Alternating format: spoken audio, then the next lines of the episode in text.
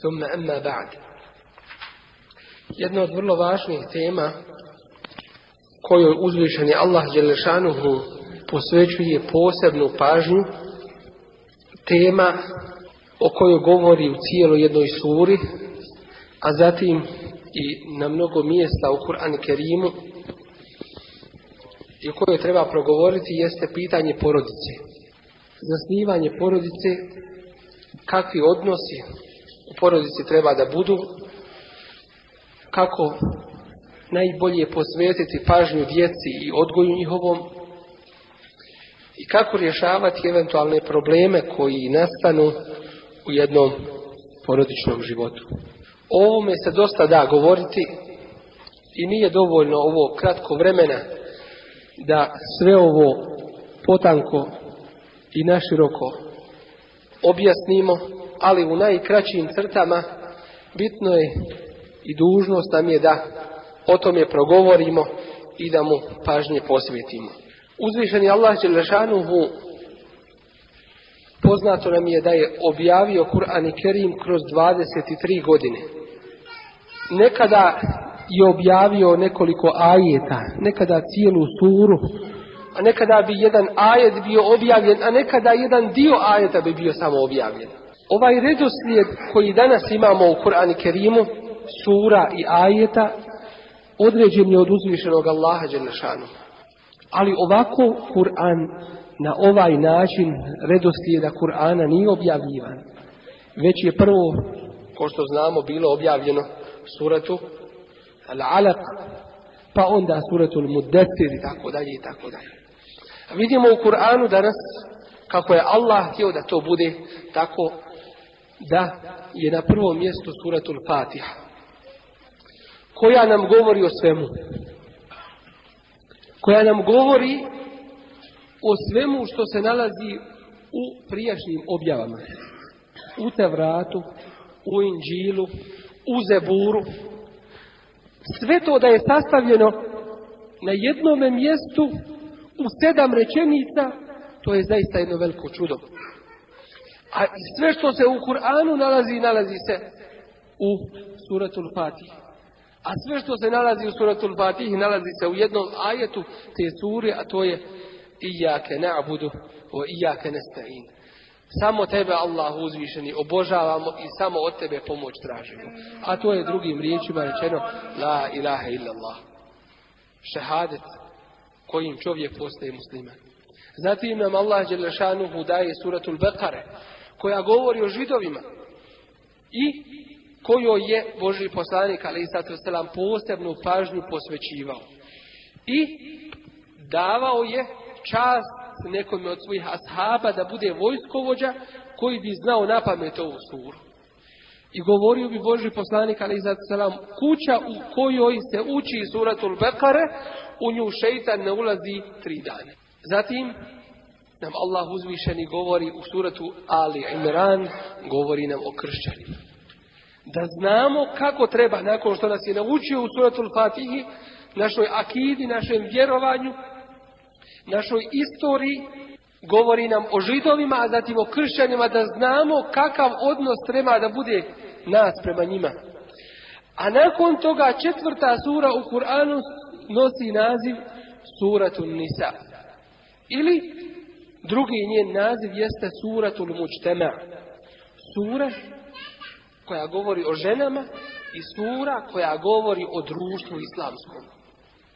Kako to društvo treba da izgleda? A jedan važan faktor u tome je društvu jeste upravo žena. I zato Rasulullah a.s. kaže o vrijednosti toga, upućujući muslimana kakvu treba sebi porodicu da traži Kaže u svima nama poznatom hadisu da ženu udaje ili njena ljepota ili njeno porijeklo, položaj u društvu ili njena vjera, njen ahlak. Pa nam kaže, ali i sad uzmi onu koja kod sebe ima ahlak, sretan ćeš biti.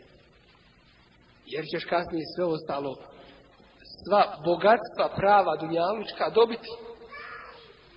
Dakle, zasnivanje porodice i sama porodica, to je jedna velika odgovornost i obaveza. Koju čovjek kao stup te, glavni stup te porodice, preuzima na sebe još prije ženitbi. Odabirom kako treba porodice koja je ahlakli, koja je lijepe vjere, koja će ti biti sutra pomoć u tvome životu, pomoć u tvome dinu i dunjalu. I vidimo kako je uzvišen Allah mu dao Resulullahu sallallahu alaihi wasallam takvu pobožnu ženu koja i čija se vrijednost pokazuje u najtežim trenucima. Boži poslanik, ali i u svojoj 40. godini dobiva vahij. Neobično nešto. Melek mu se pokazuje. Prepada se Boži poslanik, ali i Dobiva prvi ajete, suratul Alek, prve ajete objavi. Dršući nakon toga trči svojoj kući i govori zemmiluni, zemmiluni, umotajte se, ja sam se za sebe prepao. A onda mu ta čista, iskrena, prava žena kaže, ne boj se ti za sebe. Ti pomažeš siromašne, ti održavaš rodbinske veze, ti si na strani potlačenih. Inna Allahe leni udajjak, Allah te neće napustiti i ostaviti. I vodi ga svome Amidžiću Veraka ibn Neukalu. Ta žena koju je Allah Želešanu odabrao za svoga poslanika, ali i kad Allah nešto hoće, Allah zato odredi i dosudi i kaderom propiše sebebe i uzroke, pa onda to što je Allah htio mora biti. Vodi ga svome Amidžiću i kada mu Boži poslanik, ali selam, opiše to što mu se desilo, on kaže, Allahi, tako mi Allaha, to je namus. To je onaj isti koji je došao, sveti duh koji je došao Musa'u. I ako me Allah poživi, ja ću stati uzate i pomoću te. I da hoću Bog da biti živ kada te tvoj narod protjera. A čudiš se Boži poslanik, ali i koga su zvali El Emin, povjerljivi, pošteni, vjerni, njima drag svima. Evo muhriđi jehum, zar će oni mene protjerati, šta će se to desiti? Zar ljudi neće ovo svi prihvatiti, ovo istinu jasnu? A onda mu ovaj kaže, posavjetuje ga, nijedan se poslanik nije pojavio sa onim sa čim si ti došao, a da nije bio, da nije bio uznemiravan illa udi, a da nije neprijateljstvo, na neprijateljstvo naišao od svoga naroda. Vidimo u ovome najtežem trenutku kako se pojavljuje taj ahlak o kome nam kasnije Boži poslanik, ali sad sam govori, koji čovjek treba da traži kod svoje žene. I to je ona zaista prava vrijednost koju čovjek može naći i koju je dužan da traži jer je najodgovorniji u svojoj porodici. Kaže Rasulullah ali sad u tome smislu kullukum ra'in svi ste vi pastiri. وَكُلُّكُمْ مَسْئُولٌ I svi ćete biti pitani o onome što je u vašoj vlasti, o kojima ćete biti odgovorni i biti, biti pitani. Dakle, bit ćeš pitan o svojoj porodici, o svojoj ženi, o svojoj djeci. To, to je tvoja odgovornost, za, osnovna za koju ćeš biti sutra pitan. I zato nam na toj osnovi uzvišeni Allah Đerašanu kaže Ja i ijuhallazina amanu o vjernici ku enfusekum wa ehlikum naran. Sačuvajte sebi i svoje porodice džehennema. Wa kuduha nasu wal hijjara čija je potpala čija su potpala ljudi i kamenje. Alejha malaiketun nad kojim ili nad kojom vatrom su meleki giladun šidadun žestoki osori što bismo rekli ne imaju milosti prema džehennemlijama la ja'asuna Allahe ma emarahum neće Allahu nepokorni biti i nisu mu nepokorni u onome što im on naredi o jef'aluna ma i koji rade ono što im uzvišeni Allah naredi ti upravo si odgovoran za svoju porodicu pri biranju toga svoga životnog druga.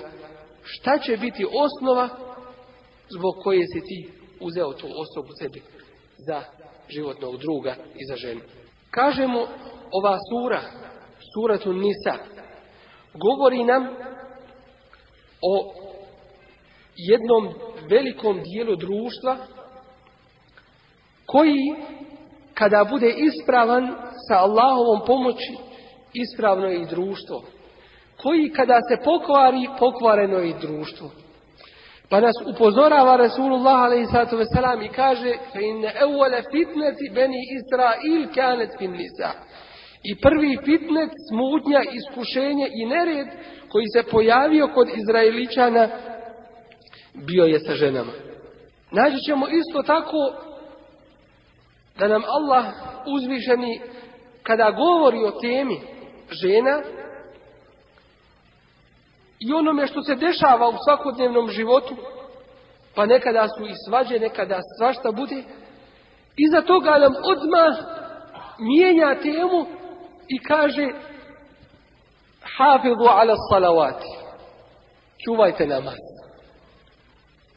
U salati a posebno srednji namaz. Šta se tim praktično može zaključiti? Može se zaključiti, nemojte da vas ti životni problemi o ljudi zabave od namaza. I tu je Resulullahova riječ, ali sad vas sam, gdje kaže, nisam vidio one koje su, koje su slabije pameti, a da imaju veće uticaja na, na pametne. Tako je. Da čovjek ne zna šta radi, može ga dovesti. Ako nije od dina. Da se čovjek propije ne uzubila, bila on i ne mislim o, o ovome društvu. Da ne zna šta će sa sobom. Zašto? Jer je Allah po prirodi ljudskoj dao da ta žena bude smirenje čovjeku. Pa kaže, On je taj koji vam je stvorio min enfusikum ezvađen od vas Materija od koje ste i vi i su priroda, isto tako ljudska priroda. Ezvađen žene ili iha, da se smirite sa njima. Dakle, da vam je to smirenje. وَجَعَلَ بَيْنَكُمْ مَوَدَّةً وَرَحْمَةً I dao je da među vama bude meodeten, ljubav koja se parama ne može kupiti, o rahme i milost. Kad čovjek dođe kući, i ako ne nađe tu blagodat kod kuće te milosti i te ljubavi i te pažnje od svoje žene koja je zato upravo čovjeku stvorena, onda mu se stvari okrenu skroz naopako. Pa ako nećeš ondje naći milost i rahmet tu gdje treba da ga nađeš, već nalaziš azab, onda takvi ljudi pobjegnu od kuće, napusti kuću, ne zna više šta radi i tako dalje i tako dalje. Zašto? Normalno kao Allahova određena kazna ili možda nekome kao iskušenje u njegovom životu, ali iz rahmeta vidimo da se okreću stvari i pretvara se u, u jedan azab, u jednu patnju koju čovjek ne uzubila živi. Jedna vrlo važna stvar ovdje da se napomene, koju mi svi znamo, ali vrijedno je ukazati na nju, da je život jednog muslimana, mu'mina, da je cjelokupni ibadet. Kad ide nuždu potrebnu da obavi, Allahumme inni a'udhu bike min al-khubuti wal-haba'isi, kad izlazi iz, iz toga nečitog mjesta u kome borave šeitani, šta kaže, gufraneke, može ti oprosti. Kada hoće da legne, bismike rabbi, vodaću džembi, obike arfa'u, in emsekte nefsi, varhamha, wa in arselta, fahfadha, bima tahfadhu bihi, ibadeke salihin prilikom ustajanja, prilikom osvitanja, prilikom ulaska u džamiju, na primjer, Bismillah, wassalatu wassalamu ala rasulah, Allahumma mfir li zunubi, waftah li abuabe, abuabe, rahmetik, kad izlazi, kaže, abuabe fatlik, i tako da, kad jede, kaže, Bismillah, Cijelokupni život jednog muslimana jeste ibadet. I to odabrati pravu ženu, muminku, muslimanku, onu koja je lijepog ahlaka, koja će te sutra razumjeti, ona koja će sutra u teškim časovima uz tebe stati, koja će ti pomoći u tvojoj vjeri, to je velika, vrlo važna stvar. I to je vrlo važan korak u tvome životu. Mi smo po svojoj prirodi naklonjeni i dobru i zlu. فَأَلْهَمَهَا wa otakoaha.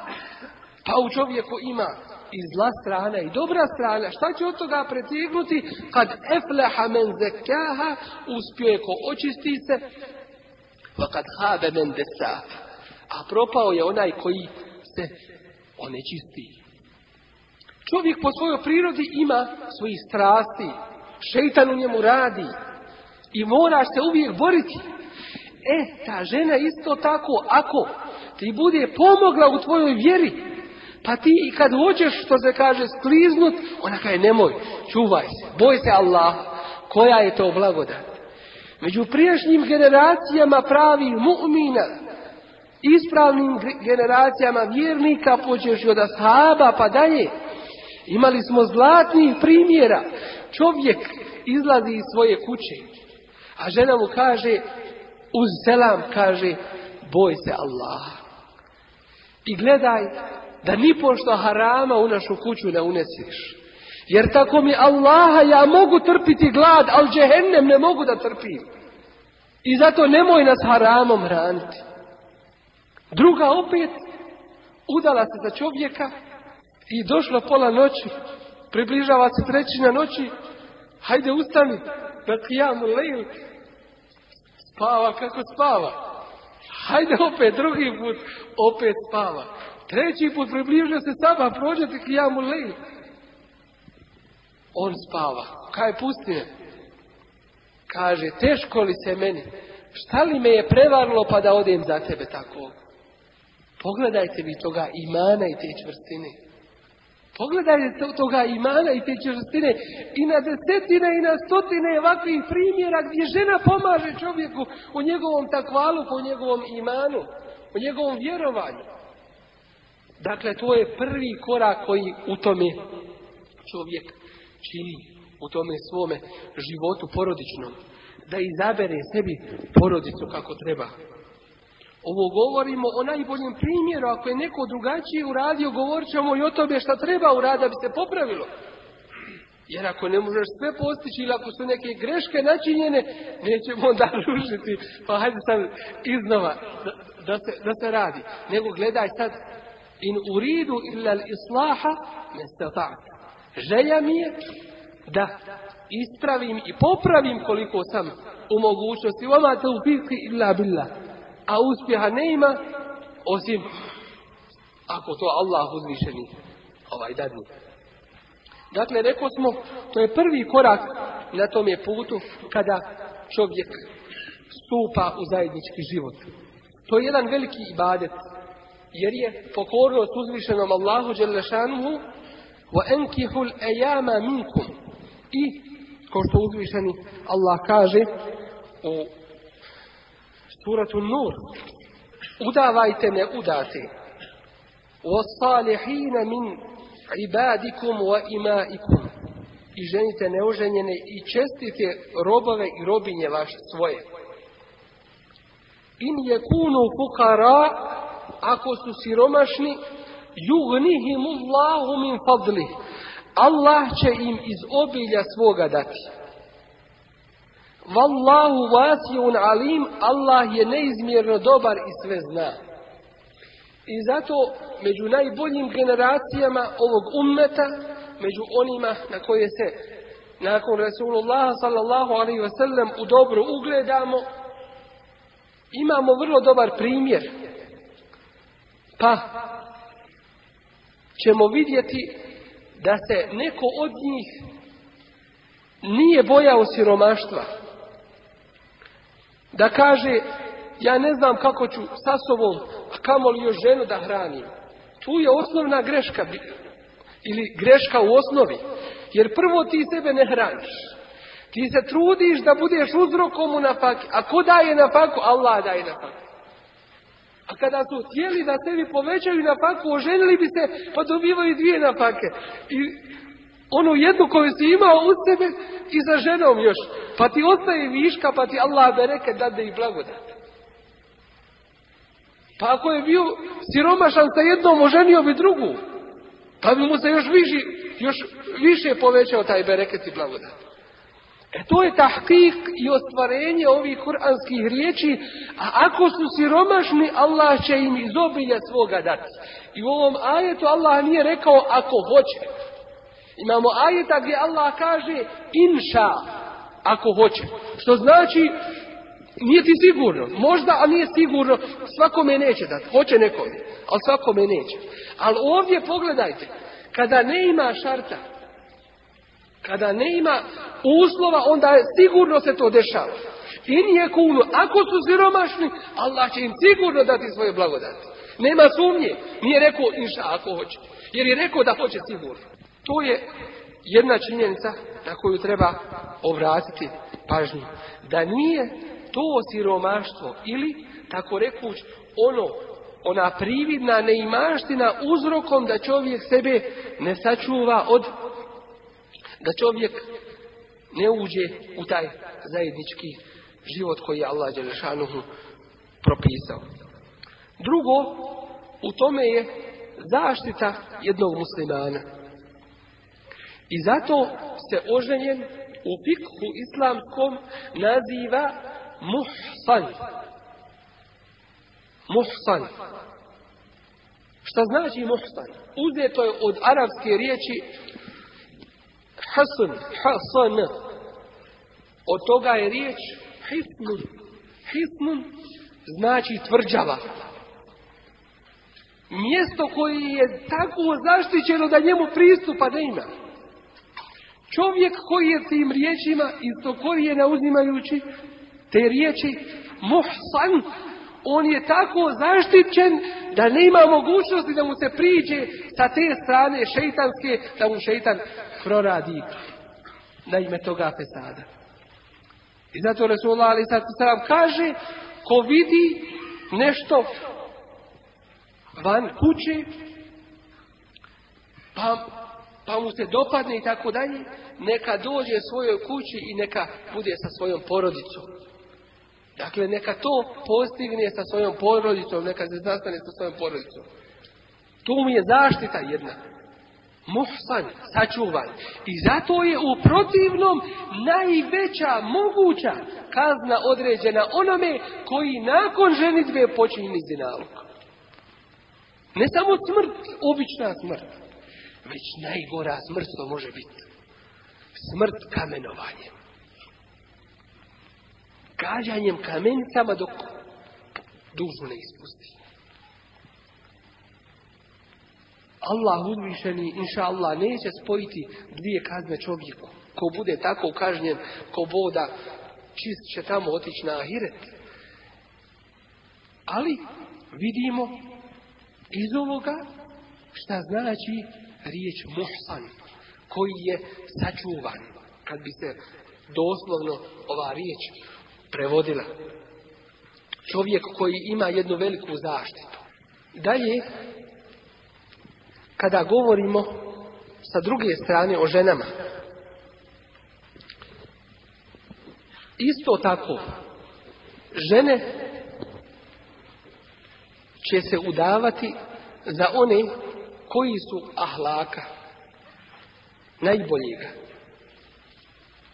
koji imaju ta najbolja svojstva i ne smije prevariti ni njih, ni one koji su zaduženi za te djevojke i žene, ne smije ih prevariti ničije bogatstvo ili ljepota ili položaj ili porijeklo, pa da odu za neke koji su daleko i od ahlaka i od vjerovanja i od primjene islamskih propisa. I zato, pošto je žena po svojoj prirodi slabija od muškarca. I pošto se može lakše zavesti, onda Allah mu posebno u tome smislu zaštitu ženi pruža. I kaže, ejume mraetin nekehat bi gajri izni velijiha nikahuha batilun, batilun, batil. Koja god žena se uda bez dozvole svoga staratelja, njen brak je nevažeći, nevažeći, nevažeći. Wa in dehala biha, a ako bi se taj sastao sa njom, felehel mehru li mestahalla min karđiha. A njoj onda pripada mehr time što je bio sa njom. Ali se opet razdvajaju.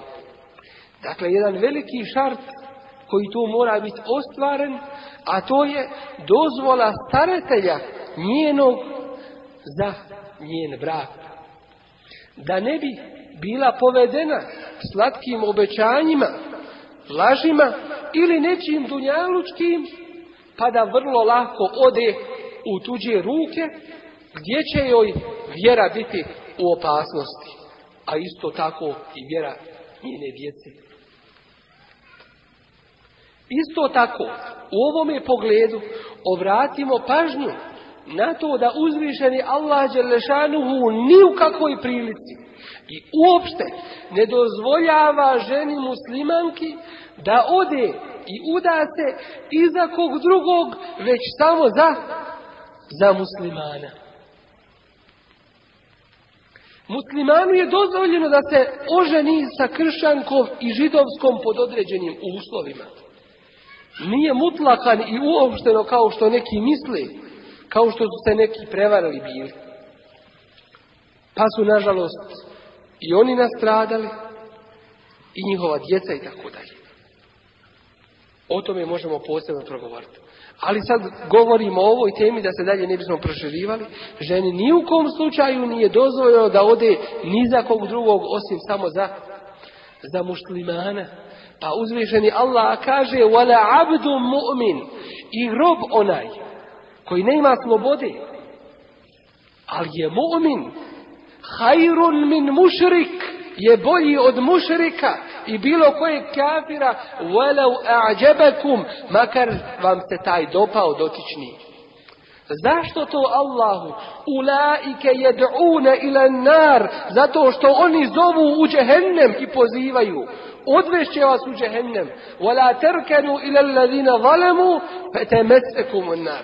Nemojte se prislanjati uz kafire, uz zulumčare, pa će i vas džehennem dohvatiti.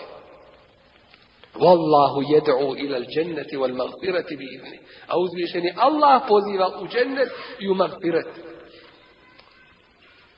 U zajednički život kojim će se moći ostvariti i primijeniti principi i propisi uzvišenog Allaha Đelešanu.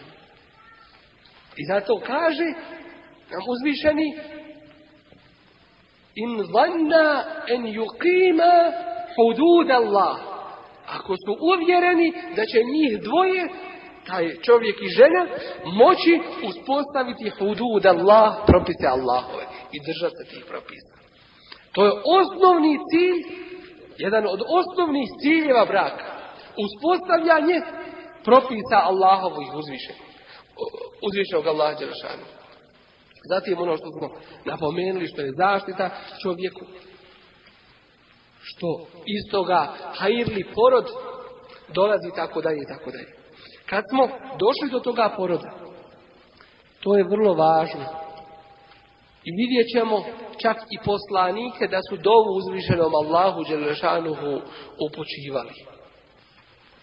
Velika je greška i moramo upozoriti one muslimane koji su čuli od nemuslimana izreku pa kaže, kaže pravi djecu. Ko to pravi djecu? Ko? Ko to može uzeti pa stvoriti nešto mimo Allaha? Allah ni samo stvara. I nikakva ti utjecaja u tome ne imaš, samo to što te je Allah jednim uzročnikom učinio i ništa više. A Allah daje i sveo. I u tome je smislu vidjet ćemo poslanike da su dovu Allahu učinili. Wa aslih li fi zurrijeti. I Allahu uzvišeni u mome porodu daj da bude svako dobro. O, ovdje u ovome, ovoj dovi nije rekao samo Bože učini da bude moj porod dobar. Nego da među mojim porodom vlada samo dobro. Nikakva da ne može biti inni tubtu ilajke, o inni minal muslimin. Ja ti te obe dolazim, ja sam musliman. Dove poslanika. Vidjet ćemo isto tako ženu Imranom, gdje kaže, Rabbi, Allahu moj, ti koji stvaraš i daješ, inni ne Ja ti zavjetujem daje mi poklanja mafi batni ovo što je u mome stomaku. Allahu Đelešanuhu nije još ni dobila dijete. Pogledajmo toga koliko se misli na uzvišenog Allaha Đelešanuhu. Kaže, dijete me ne sluša. Dijete ovo, dijete ono, odalo se ovome, odalo se onome. Dijete se praktično odgaja prije nego što se rodi. Dova se uzvišenom Allahu Đelešanu učini jer je Allah taj koji daje u srce i Allah taj koji upućuje. Žena pa pogledajte šta, dovo kako čini. Ova žena spomenuta u Kur'anu bolja je od hiljada i miliona muškaraca koji ne znaju za Allah. Kaže Bože, ja ti posvećujem ovo što je u mom stomaku, a još se nije rodilo. Hoće li se živo rod, neće li kako će, on Allahu se predaje.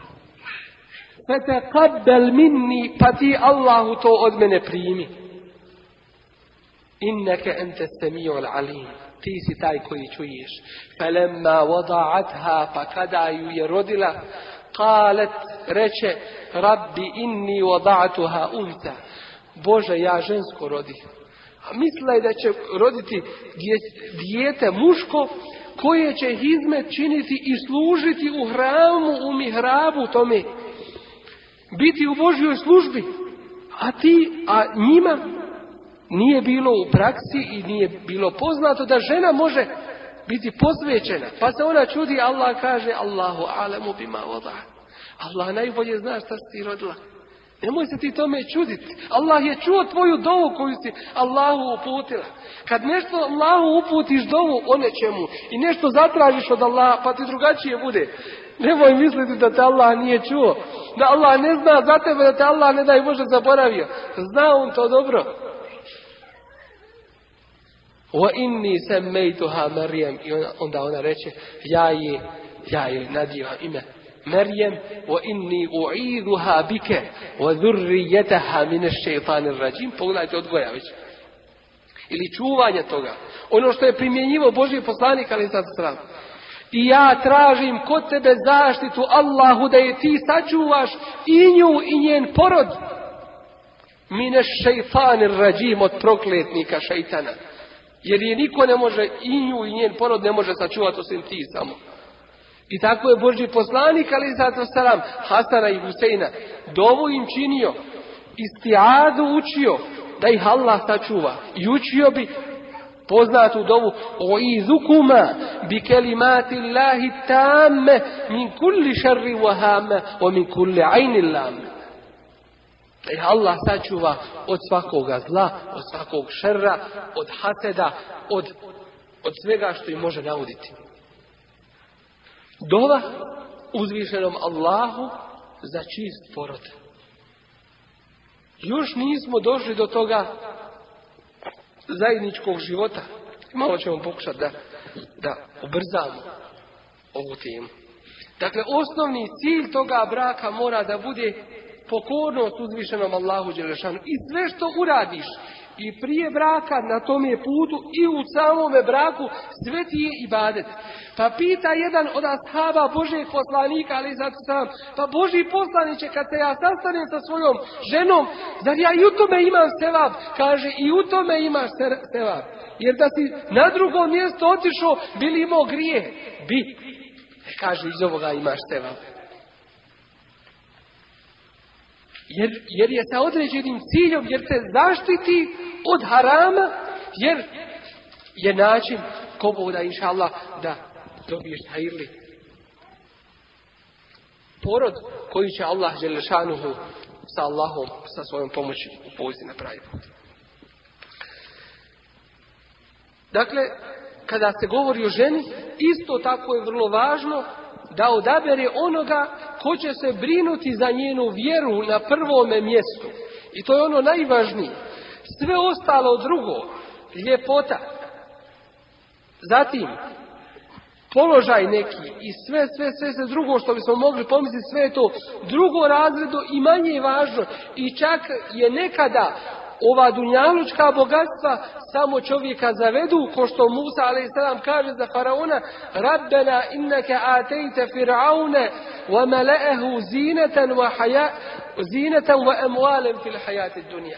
Allahu ti si dao faraonu i njegovim velikašima ljepote i bogatstva ovog dunjaluka. Rabbena li udillu li jadillu an sebilik. Gospodaru naš, da bi Zaver da bi otišli na krivi put i da bi druge zaveli tim, imed, tim imecima. Ne znaš u čemu je šerf. Ali gledaj din i u dinu nikad neće biti šerf. To je ono najvažnije na što se mora obraniti pažnja. Dalje, nakon što čovjek uđe u jedan islamski život. Allah Đelešanuhu jasno kaže i određuje ko je odgovoran u toj jednoj zajednici. I ko je taj koji se pita? Pa kaže, er nisa. Ljudi su ti koji vodi brigu, nadzor nad ženama. To je osnova. Ne govorimo sad o današnjoj situaciji, ne govorimo sad o, o pojedincima, nego govorimo o osnovi, o prirodi stvari. A onda ćemo reći, ako je nešto drugačije i kako to treba ispravljati. Ljudi su tu osnova kao vamuna ale nisa vode nadzor i brigu nad ženama. Bima allahu ba'dahum ala ba'd. Zašto je to tako? Zato što je Allah dao prednost jednima nad drugima. وَبِمَا أَنْفَقُوا مِنْ أَمْوَالِهِمْ I zato što je ljude zadužio da troše svoje imetke i da moraju izdržavati svoju porodicu. To je dužnost i briga čovjeka. To je osnova da čovjek je pobožan i žena da je pobožna. I u takvoj jednoj zajednici čovjek vodi brigu o, o cijelokupnoj porodici i o ženi i o djeci, o provođenju vjere u, u toj porodici, što je najvažnije, o ostvarenju Allahovi propisa u njoj, tim što kada čovjek pogriješi u vjerskim propisima ili kaže ženi nešto što je u suprotnosti sa Allahovim propisima, onda žena u tome čovjeka neće niti smije poslušati. Po poznatom nam svima hadisu La ta'ata li mahlukin fi ma'asijatil halis. Ne ima pokornosti stvorenju u onome u čemu je nepokornost stvoritelju. To je to vaganje. Žena će u tome slučaju reći čovjeku ja te u tome ne mogu poslušati jer Allah drugačije to kaže. Ako ga posluša bit će ili zamjerit će se uzvišenom Allahu Đelešanu. I to nije pokornost. I tu ne smije biti pokornost čovjeku. Hajri je na njega u tome da ga ne posluša. U čemu je nepokornost uzvišenom Allahu Đeršanu. Ako bi se decilo da su neke žene neposlušne, šta se onda dešava? Fesalihatu, a one čestite žene, kanitatun, dobre čestite, kanitatun, poslušne حافظات للغيب bima حفظ Allah. One koje kada čovjeka ne ima kod kuće, sačuvaju i njegov obraz, i njegov imetak i čast, staju na mjesto njega u toj, u toj kući, to su one najbolje i pohvaljene. وَالَّاتِي تَخَافُونَ نُشُوزَهُنَّ a one čije se nepokornosti pobojite. Vidite da otvoreno su nepokorne, da se uzdižu, da neće izvršavati Allahove propise i tako dalje. ne. prvi korak na tome putu jeste da ih posavjetujete. I čovjek mora imati vremena za svoju porodicu. Mora imati ili dnevno, ili heftično, ali ne smije to biti u dužim periodima puno. Mora imati vremena kada će sjesti i porazgovarati sa svojom porodicom. O svim problemima kuće, što je najvažnije u kojoj se mjeri primjenjuje islam. i to je prvi korak na sjehat. Ispravka riječima. hunne fil Drugi stepen je da se udaljite od njih u posteljama. Jedna vrsta kazne. Da bi se popravila, da bi došla se kao treća, abdoribu hun. I u trećem slučaju ih udarite. Ali taj udarac ne smije biti onaj koji ostavlja tragove za sobom, onaj ne daj Bože koji lomi i tako dalje, kao što Resulullah ali sam kaže šta je pa vidim da se kod nekih dešava to što jedan od vas uzme pa pretuče svoju ženu na početku dana a na kraju dana uzme pa legne s njom kako to tako se te, te, te suprotnosti kako se to može desiti ako će to biti kao jedna odvojena mjera, jeste odvojena mjera, ali ako si došao do toga stepena da ništa više nema pa ide samo još to ostalo, onda onako kako će imati kako će imati koristi od toga, ali neće biti šteti. I mi ne slušamo zapadne propise, takozvane, ili njihove načine života, pa da kažemo e, kako ćemo mi to danas, kako je ovo, kako je ono. Ovo je zakon koji vrijedi do sudnjeg dana. Zakon onoga koji nas najbolje poznaje. Zakon onoga koji nam najviše hajra želi, koji sve najbolje zna. Ovo je knjiga iz, ko, iz koje mi zakon uzimamo. Ali je greška da bude udarac žene prvo sredstvo koje se upotrebljava, to jest. Ali je greška da se žena udari kako će imati štetu od toga i tako dalje i tako dalje. I zato od hiljadu slučajeva možda jedan ili dva da će se da će se ovo desiti. Ali kad ona zna da ima i ova mogućnost, Boga mi se onda pobojati. To je ono. I zato Resulullah Ali sad sam kaže, neka od vas neko stavi štap u kući gdje će ga vidjeti cijela porodica. I djeca i žene. Neka stavi na mjesto. Ne mora ga upotrijebiti, ali neka je na svom mjestu. Elhamdulillah, pametni će ići do toga da bude upotrijebiti. Ali neka, neka zna odgojnu mjeru. Ali ako čovjek neće primjenjivati Allahove propise, trebalo bi da neko drugi da uzme šafa neke ljude namlati. Isto tako. Samo žena ne može to, jel? E onda tu se pojavljuje država. Onda se tu pojavljuje hakim, vladar, sudac, kadija i tako dalje i tako dalje. I, na, i ima hođa što kažu i nadođe muftija i nad muftijom ovaj i ovaj i onaj. Dakle, ne može biti on jedini taj koji, koji drži vlast u svojim rukama i tako I on će biti pitan, ako prijeđe svoju granicu, ima taj ko će ga pitati. I pred kim će odgovarati. Na Dunjalu ko in afanekum, a odmah Allah i zato ga kaže da neko ne bi se obradovao, e mogu ja sad kako ja hoću. Da in afanekum, pa ako vas, šta znači pa? Znači odmah, pa. Znači, jel ti žena rekla, pogriješila sam halali? Ne smiješ podignuti. Ste im, pa odmah ako, ako dođe sebi od te jasne greške koju je pogriješila, nije htjela kvaljati, uzubila i tako dalje i tako dalje.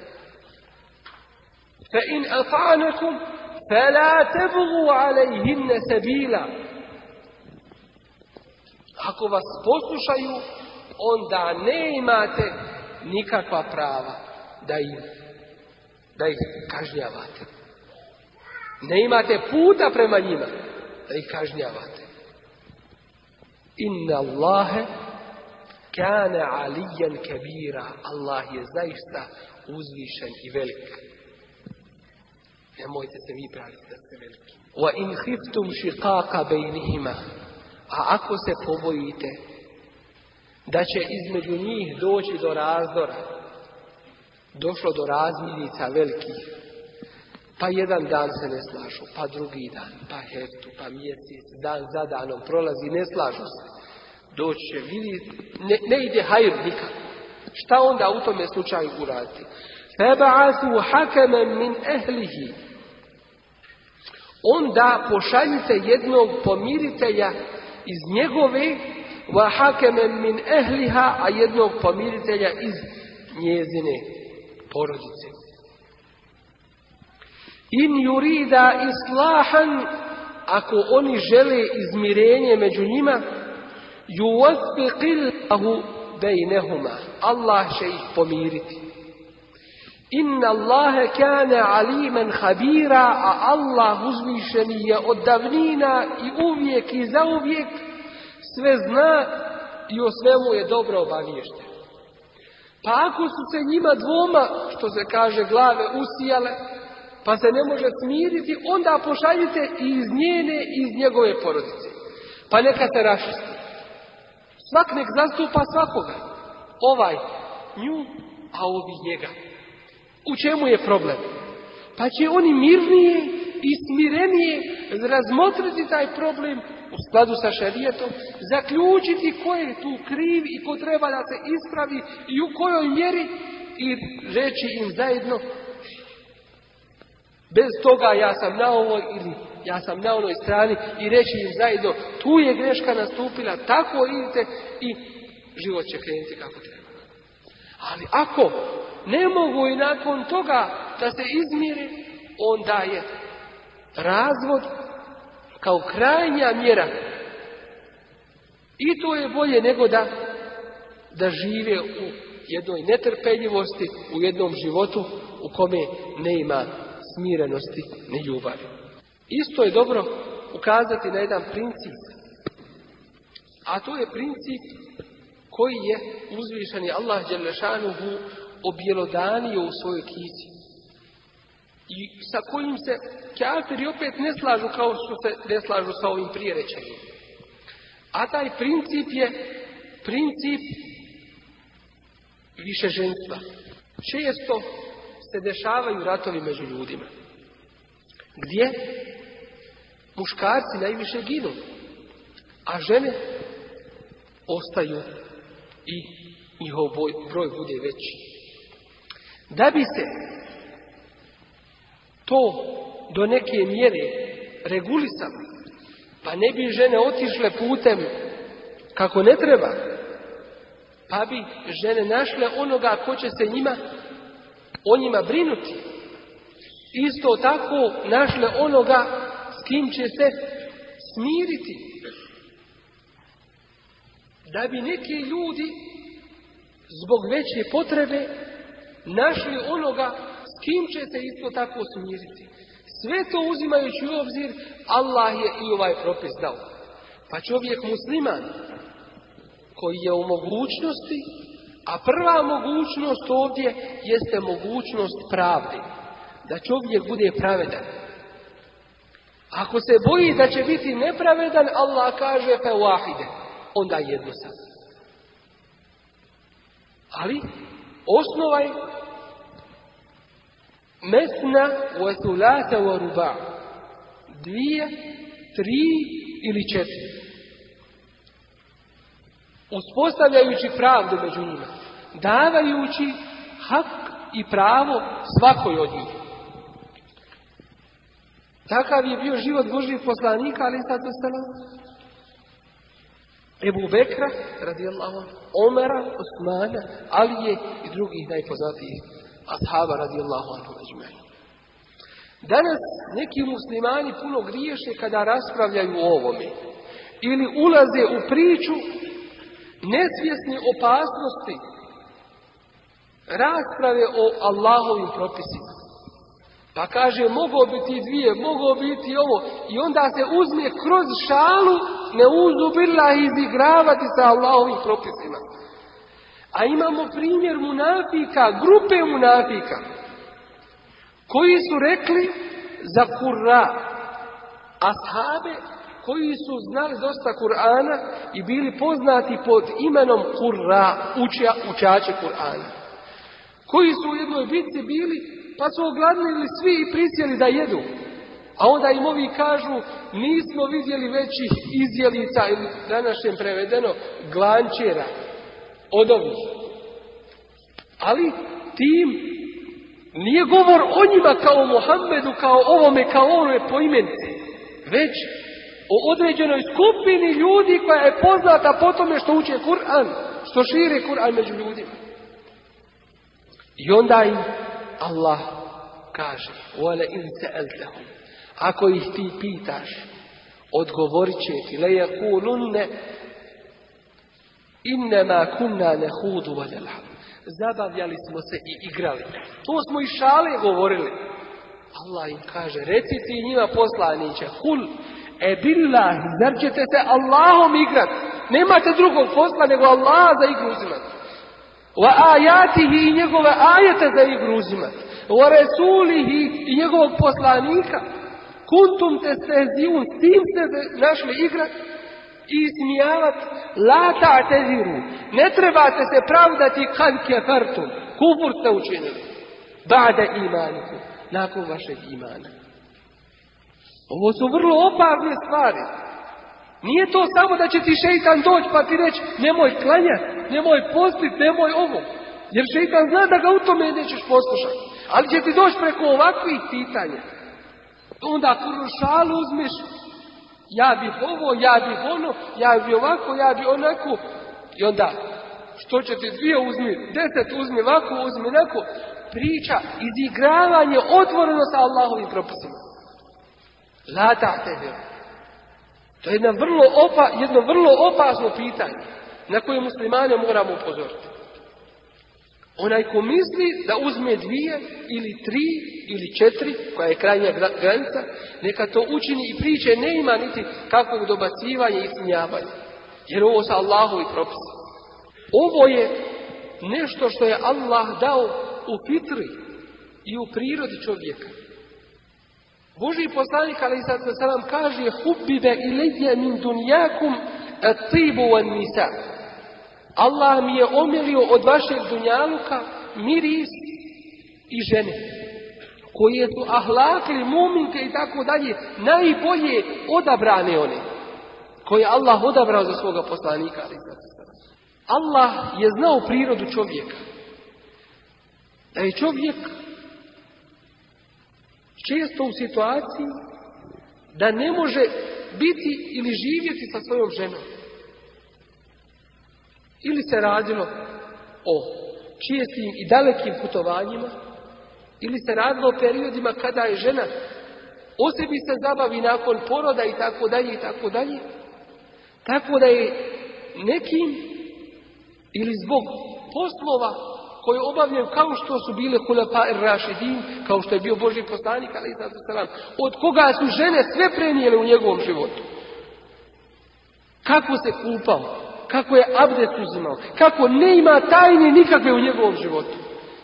Nije to lako ni jednostavno. Svako od nas voli da ima neki svoj život, poseban, jel tako? Intimni život. Intimni život od Božijeg poslanika sve je prenešeno. Zašto? Jer je to sve hukum, šarijat i propis vade, sve živo. Šta god je radio u svom životu. Ako se okrenuo, kaže, to i to se desilo, pa se okrenuo Boži poslanik, ali To i to se desilo, pa se nasmio. To i to se desilo, pa se namrštio. U oči mu gledali. Kad bi je otišao, malo se izdvojio, pratili ga u stopu, pa kaže, išao je tamo i za te živice, kaže, i mokrio je tamo, tako i tako. Pratili ga u stopu. Abdullah ibn Omer popeo se kao dijete, popeo se na jedan zid i gledao šta Boži poslanik radi za Otišao potrebu svoju dao Ostavili ga nisu kad je hodao, kad je spavao, kad je govorio. Sve, sve, sve što je radio, sve je to bilo. Allah je znao potrebu ljudi I to je jedan šerijetski propis koji kod onoga koji to može ostvariti je pohvaljen. I bolje nego jedno. Koje u mogućnosti dvije da ima. Ili tri, ili četiri, i da bude pravedan među njima i da ima od njih hajirli porod bolje je nego da ima jedan. I u tome se i pokazuje Ivan i žene isto tako. Da ona nema ništa protiv toga šarijetskog propisa. Normalno da neće biti jednostavno, jel? Ali to ne znači ako čovjek oženi drugu, da u prvu ne voli. Bože sačuva. Čak može Allah dati tako, takav je hikmet Allahu, a ko ženi drugu da Allah dade, da ovo prvu još više zavoli nego što je volio. I da joj još više pažnje postreći. Ali pogledajmo millet kupra koji nama predbacuju. Kjafire, koji imaju, ne dvije, tri ili četiri, koji imaju pozna koliko po svijetu. Ili žena, ili djece, ili ovoga, ili onoga. I ko je našo nama da predbacuje? Ti, tamo, oni, pecini, da im drugačije ništa ne kaže. Oni su našli. Pa ko bi drugi našao? Kad ideš ulicom, čućeš tamo cuko laje. Ti njemu nećeš odgovoriti istom vjerom, jer ti nisi ko on. Jer njemu je krivo što si ti čist. Ne može smijeta u bodeg. Što si ti tahir. Što, što, si mumin. Ne, može da te gleda. Pa bi se pojio. On ne može biti ko ti. Ali ne možete gledati tako. I zato on gleda na sve načine. I tu su isto, između ostalog šta su govorili, protiv islama govori o nasljedstvu. Kaže, kako to muškarac dobije naput više nego, nego žena? Je tako? Kako to tako? E zato što je Allah i zadužio muškarca više nego ženu. Je tako? Pa kad pošaljem ja jedan primjer kojim se može približiti ovo. Kad bi poslao dvojicu u prodavnicu, jednom rekao kupi mi vreću toga, a drugom rekao kupi mi kesicu toga. I dao im i ista sredstva. Bili ja bio pa-, pravedan u tome? Nikako. Jer sam ovoga više zadužio i rekao mu kupi mi i to, i to, i to. I obavezan je više potrošiti sredstava. A da mu na kraju kao onome koji neku sitnicu treba kupiti. Je to pravda? Nije to pravda. Dakle, nije pravda izjednačavanje, nego je pravda dati svakome onoliko prava, koliko, onoliko haka koliko se mu dao i To je vrlo važno. I oni koji danas govori o izjednačavanju muškaraca i žena, griješe u tom izrazu. Možda žele dobro reći, ali griješe u tome izrazu. Ne treba reći izjednačavanje, Čovjek da se na nos nasadi ne može biti žena. Pa isto tako i žena. ne znam šta da uradi. Jer ga je Allah ovako stvorio i nju je tako stvorio i gotovo. I svakome je dao prema tome cilju kome ga je usmjerio određena svojstva. Kako fizička, tako i, i psihička. I žena ima svoj muškarac ima svoje. I vidjet ćemo po tim zemljama koje hoće ovaj princip nekakve njihove jednakosti da primijene, ko Bugarska, sad smo prolazili, Bugarska, Rumunija, kad smo se vraćali sađa, šta rade? Žene bucaju asfalt. Uzme onaj kako se zove ovaj kompresor, eto ti prava, udaraj po asfalt, prava. To su prava žene, jel? Strava ti si bilo. To je pogrešno shvatanje prava. Da joj njeno pravo, Islam je dao najveće pravo koje nikad niko neće dati. Zaštitio je. Dao je da bude biser začuvan. Da, je, da bude čuvan. Za čovjeka svog, za svoju djecu. Da bude muminka, da bude čista. Da može kako treba onaj posao koju je Allah odredio, da ga može uraditi kako treba. To je Allah dao. A da je sada istjeraš na ulicu, da je sada otkriješ, da bude ponižena, da joj dadneš ono što ne može vratiti. Drugo, gdje hoće još da, da nam predbate u tome, kažu, Islam kaže o ženi da je nakisato akr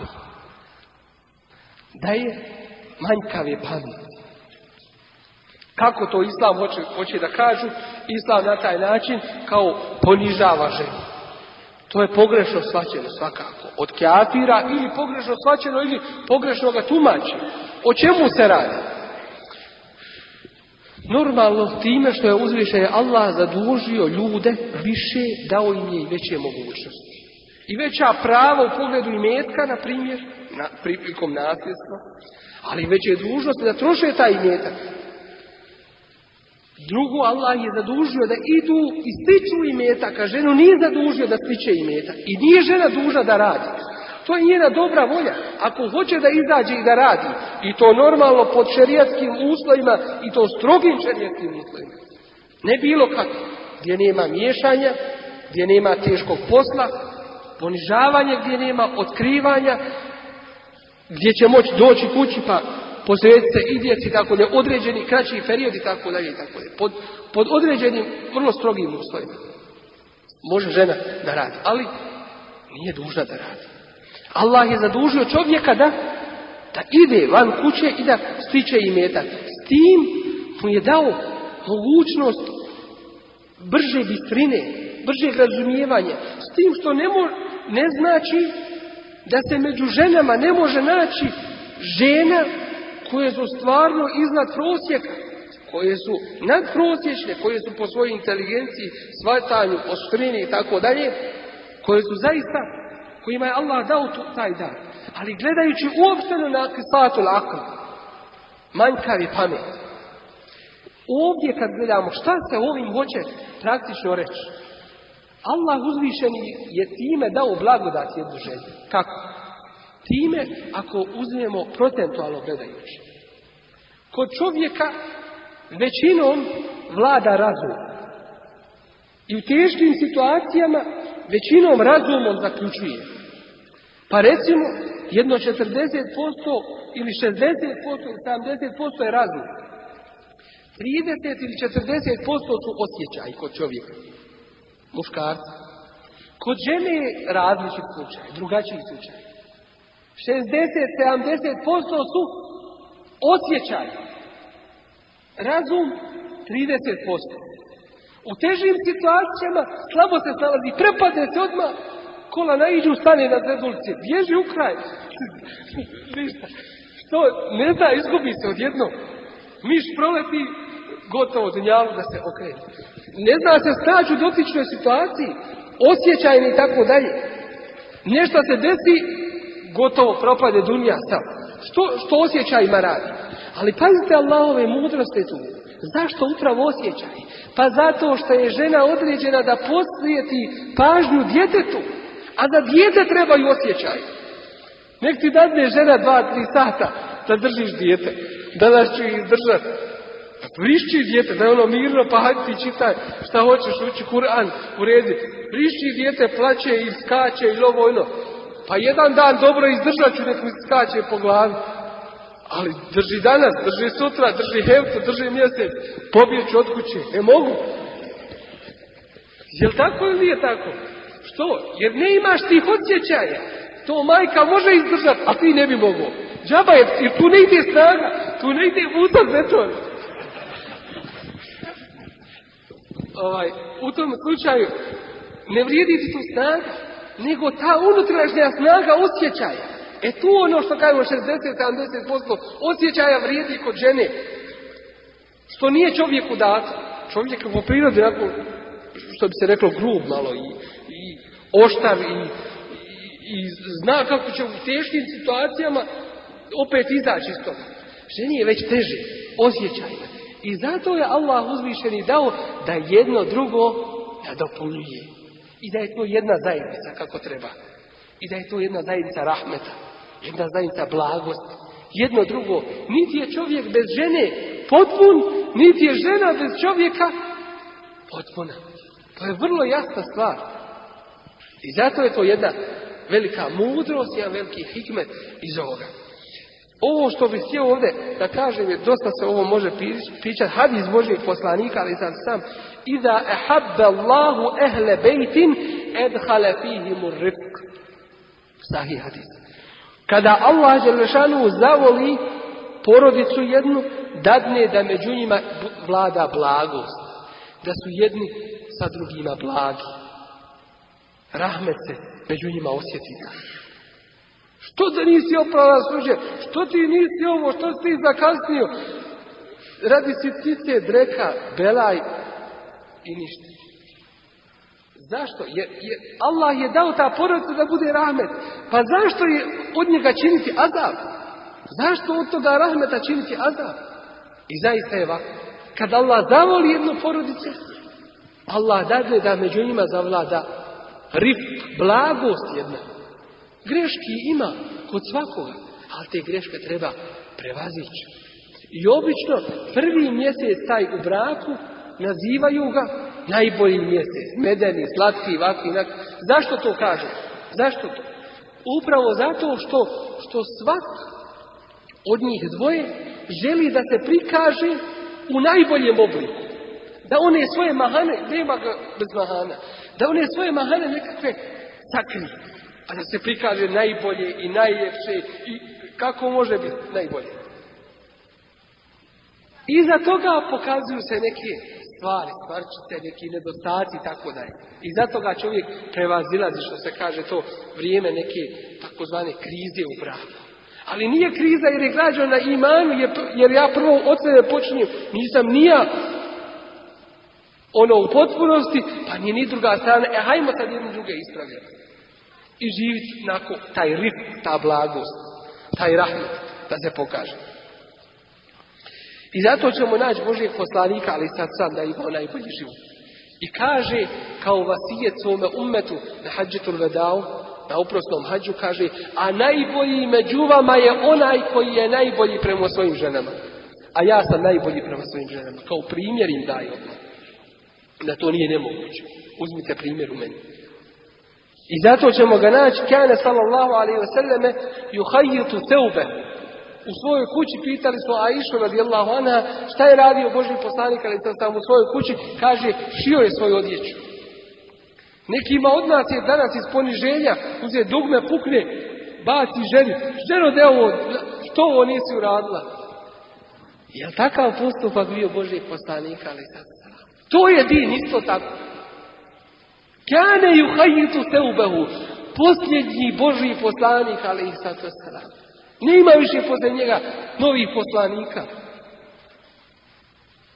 Svim narodima, svim generacijama do kijametskog dana, da su mu zladnu donijeli, što bi se reklo, malo bi bilo.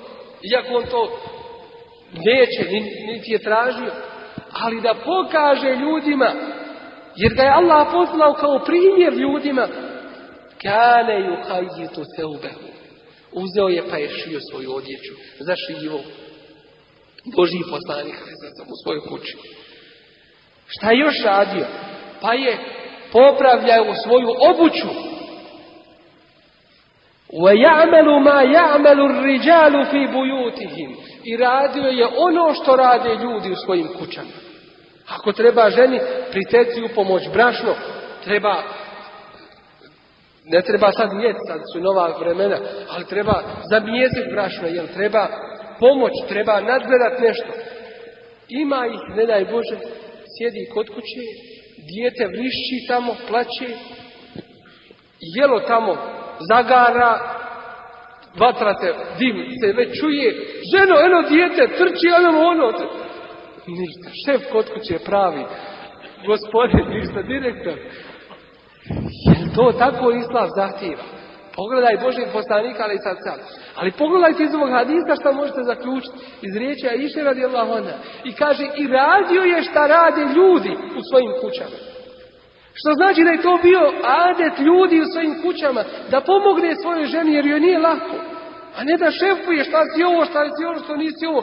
Ako treba slučaj priteci, pomozi joj. Ako treba ovo, ako treba ono. Jer u, tome je sve seba, u tome je hajr. Biće za sve nagrađeno. Kaže Boži poslanik, ali sad sam, ako uzmeš lokmu, znate šta je lokma? Ako uzmeš daloga, pa je staviš u usta svoje žene i, od, i to ti je sadaka. Što nahraniš svoju ženu, svoju porodicu, svoju djecu, i to ti je sadaka se računa. Nije ti ništa džava kod uzvišnjog Allaha Isto tako, Boži poslanik, ali sad sam, je bio omiljen u svojoj kući od svoje djece. I nije djecu svoju nije tukao, nije udarao. Enes, koji je bio sluga Božih poslanika, ali sam deset godina mu služio, kaže nikada u tome periodu od Božijeg poslanika, ali sam sam, nikada mi nije rekao za nešto što nisam uradio, što to nisi uradio. Ili za nešto što sam uradio, što si to uradio. Pogledajmo toga ahlaka uzvišenog. Ne može biti da dijete ne pogriješi. Jel tako? došao Enes ibn Malik. kim je došao u kuću Božeg poslanika, ali za sam, stavilo se da se jede. Ko djete odmah uzeo onom jelo. I prenosi nam hadis. Odmah hadis. Ja gula. Nije mu rekao, stani šta to radi, što te nije mati naučila, što ovo, što... Ja gula, o dijete. Semmillah, reci kul Rekul bi jedi svojom desnom rukom.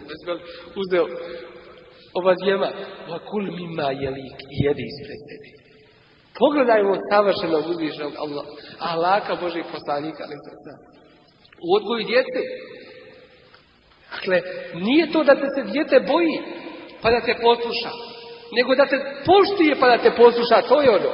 Jer ako se te boji, ako te se boji, pa te posluša, sutra kada te se ne boji, neće te ni poslušati. Ali kad te poštuje, kad vidite je ahlak, ostaće mu to u sjećanju.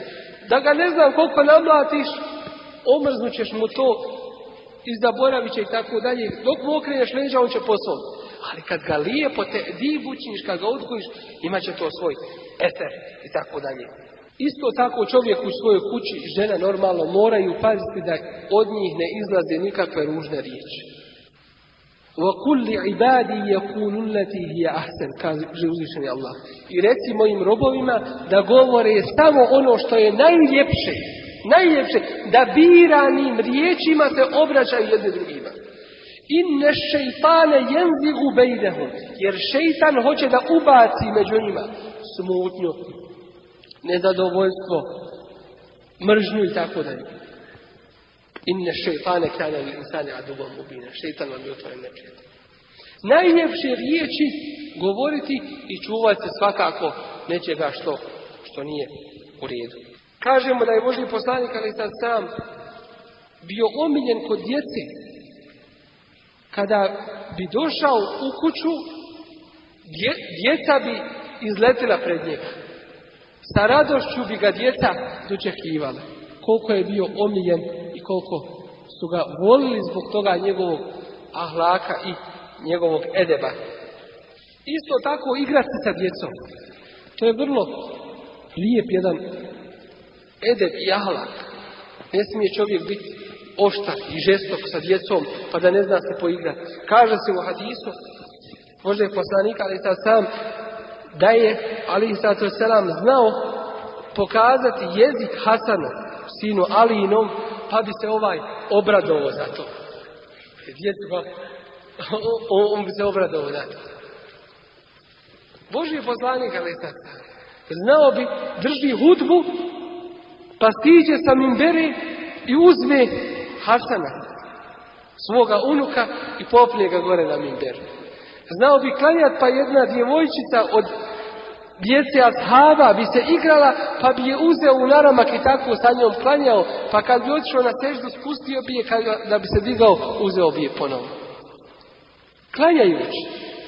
Pa bi znao Hasan i Husein igrajući se kada klanja Boži poslanik, ali za sam stat mu uzjahat na leđa. Pa bi on čekao da oni siđu, ne bi htio da se digne, da ih ne bi pomao Čekao da oni siđu, pa bi onda ustao.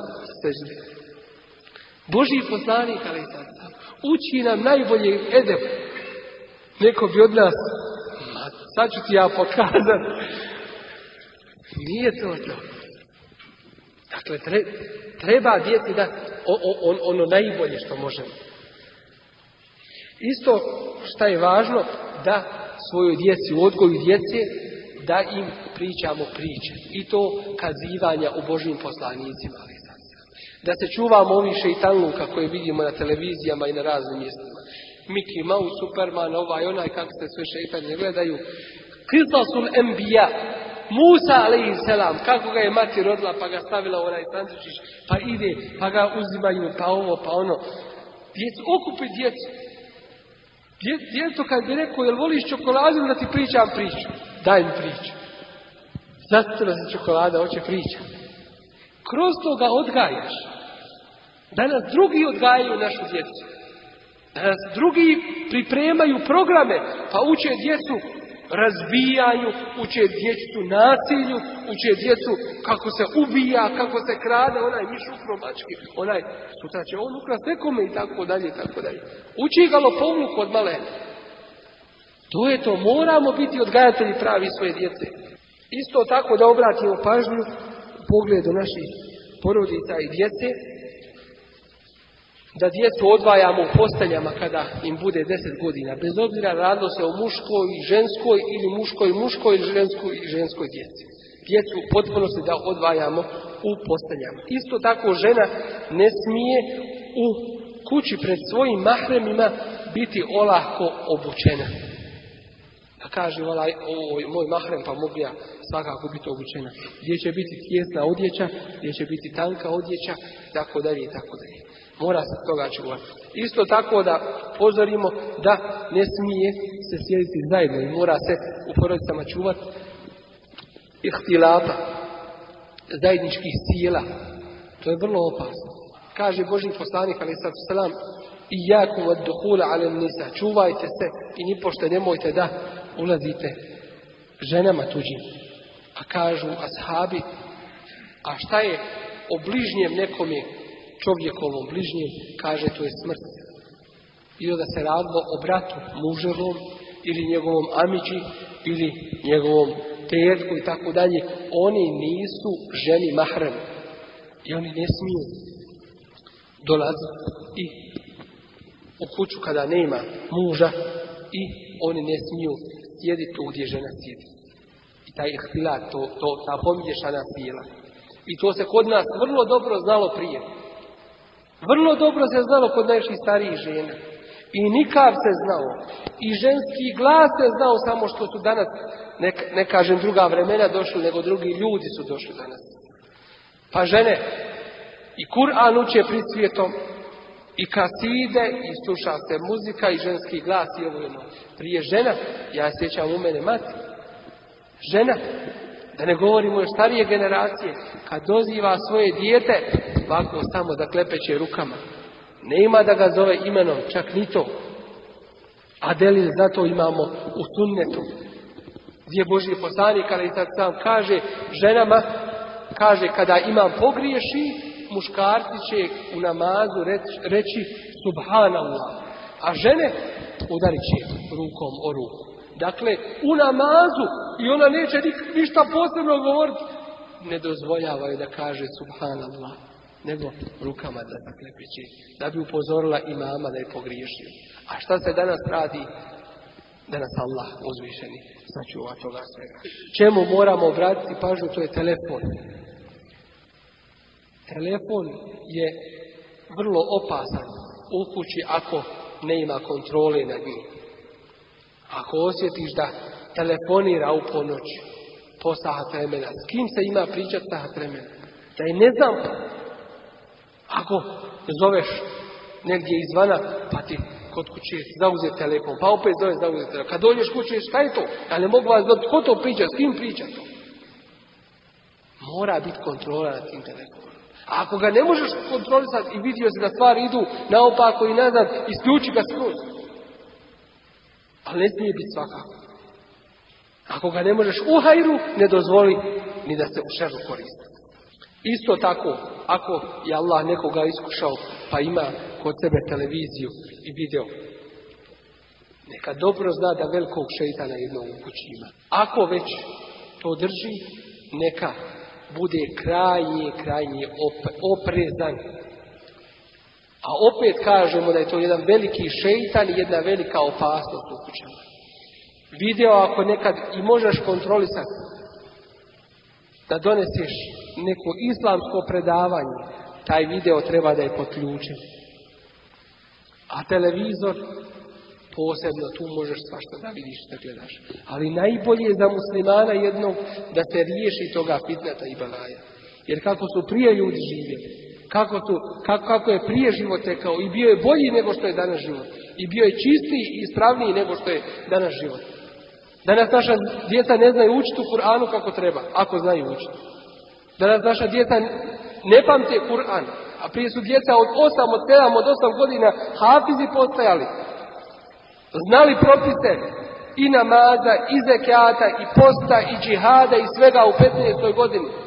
A danas ako počne nam dijete klanati u 15. godini ili nekako dođe na džumu, počne dolaziti 15. 20. godini, to smatram uspjehom nekakvim.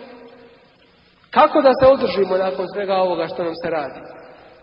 I postavlja uopšte sad pitanje da li više vrijedi u ovome išta priča, Ovo noća što pričam ili ovo što nas brate Ebu i, svi vajzi koji govore. Vrijedi li to uopšte više kazivati?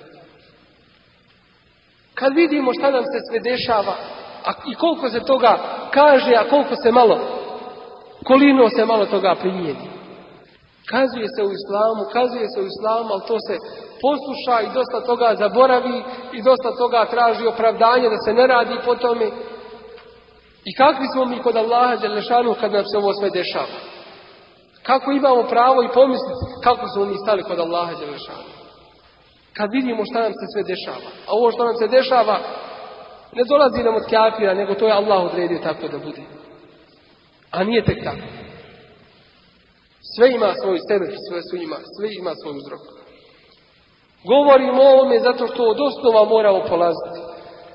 Od šehadeta, od imana, od tevhida, od akide, od porodice svoje. U osnovi stvari sve moramo mijenjati, sve, sve, sve. Namaz, šehadet, sve moraš preispitati sve u osnovi. Toliko smo zaraženi sa toliko bolesti da od početka moramo preispitivati. Od šehadeta moramo, od teuhida, od, od, od namaza, od svih stvari. Koliko je to što radimo iskreno u ime Allaha. Koliko je to primljeno kod uzvišenog Allaha Đerašanu, ovako kako to obavljamo. Jer vidimo kakva je situacija. Danas je uvozni više fesada nego što ga je bilo prije rata. I vi ste toga svjesni. Šta to znači? To je ostvarenje onih kuranskih ajeta i kad dadnemo da oni zaborave na onaj prvi musibet koji ih je zadesio i kažu to je naše prijašnje te zadešavalo, svašta je bilo, a onda i, ih mi poklopimo i sve do jednog uništimo te kute adabirul miladine I do zadnjeg ih iskorijenimo. I onda Allah iza toga kaže Alhamdulillahi Rabbil Alamin. Alhamdulillah kad je tako. I jesu zaslužili. Jer Allah oštro kaže Vala te tehidu ajatillahi huzuva. Ni pošto Allahove ajete nemojte se sa njima poigravati. Ali jedan od nas čuje Allahove ajete i čuje propize kao da ga se ne tiče. Dva uha, jedno kroz jedno unišao, kroz drugo izašlo. E, biti pitani i nemojmo se čuditi nikakvim musibetima i nikakvim iskušenjima kakva god nam dolaze dok smo ovakvi. Dok se iz temelja ne promijeni sve, sve, sve, sve naše i korake, sve naše postupke, naša uvjerenja, sve da preispitamo, ne kažem da ne valja sve, da se pogrešno ne shvati. Kad kažem od čehadera da se preispitamo, ali da se preispitamo. Da vidimo gdje sve nismo u redu da se ispravljamo. I koga god vidimo da je pogriješio, bujrum ne valjati to. Bilo ti pravo, ne bilo ti pravo. Da nam je Allah uzviša i najpreći. Ne bude li tako, Boga mi ne volimo se nikako hajru Iskoristimo ovu veliku, ogromnu blagodat. Mogućnosti saznanja Islama i rada po Islamu. Gledajmo da smo jedinstveni. Ovdje osobito u ovome mjestu i ovakvim mjestima gdje su muslimani izloženi velikoj opasnosti u pogledu svoje vjere. Pazimo na sebe i na svoje porodice dok ne bude kasno. Svoju djecu posebno kontrolišimo. Djeci je dovoljno grijeha i nemorala i neodgoja da izgube stid koji im je Allah usadio u njihova srca. Čuvajte se dobro toga. Gledajte da budete zajedno jedan džemat. A musliman ne smije računati, i to je šerijatski propis, da ostaje u ovim zemljama nipošto. Nego samo mora misliti da je privremeno ovdje i da mora računati i planirati da se vrati u zajednicu muslimana. Onaj koga smrt zadesi ovdje, a popustio je u svojoj vjeri, na njega se odnosi kuranski ajet, kada Allah uzvišeni šalje meleke da im dušu uzmu, pa ih budu pitali fime kuntum, gdje ste vi bili, kako ste živjeli, kalu kunna mustada'afine fil ard, reći će oni melekima, mi smo bili potlačeni na zemlji, nismo mogli trajati u svojim fabrikama, djeca otišla nam na stranu, u školama to što se radilo i ovo i ono, a onda će im oni odgovoriti, meleki, reći će im elem tekun erdullahi wasi'a, zar Allahova zemlja nije bila široka, idi i živi pod šatorom ako treba, ali u ime Allaha, zar ćeš dati dunjalog za ahiret. To ti je vrlo važno u tvome životu. Kalu elem tekun ardullahi vasija. Zar vam, zar zemlja nije bila široka? Pa tu hađiru pija pa se preselite. Idite iste u tu zemlju. Te ulaike me ovahum džehennem. Takvih mjesto mjesto u džehennemu. Nije im to opravdanje. Nije im to nikakvo opravdanje. Čuvajte sebe, vraćamo se na kraju, na onaj ajet koji smo na početku citirali, čuvajte sebe i svoje porodice od džehennema. Sutra se, sjetite se danas, sutrašnjeg dana, kada stanete pred uzvišenog Allaha Đelešanuhu, kada će je ume je firrul mar'u bježati čovjek od brata svoga, va ummihi i od majke svoje, va ebihi i od oca svoga, va sahibetihi i od svoje žene, va benihi i od svoje djece. Likul limri im minhum izin še'nun jugni. Svak će se toga dana o sebi zabaviti. Sjetimo se toga. I gledajmo da život svoj uredimo onako kako Allah traži. Da svi budemo jun, Allahu dragi. Da volimo Allaha i da zaradimo da nas Allah zavoli. Šta ćete bolje i veći od toga? Da nam Allah pomogne svima i da nas učvrsti u dini imana.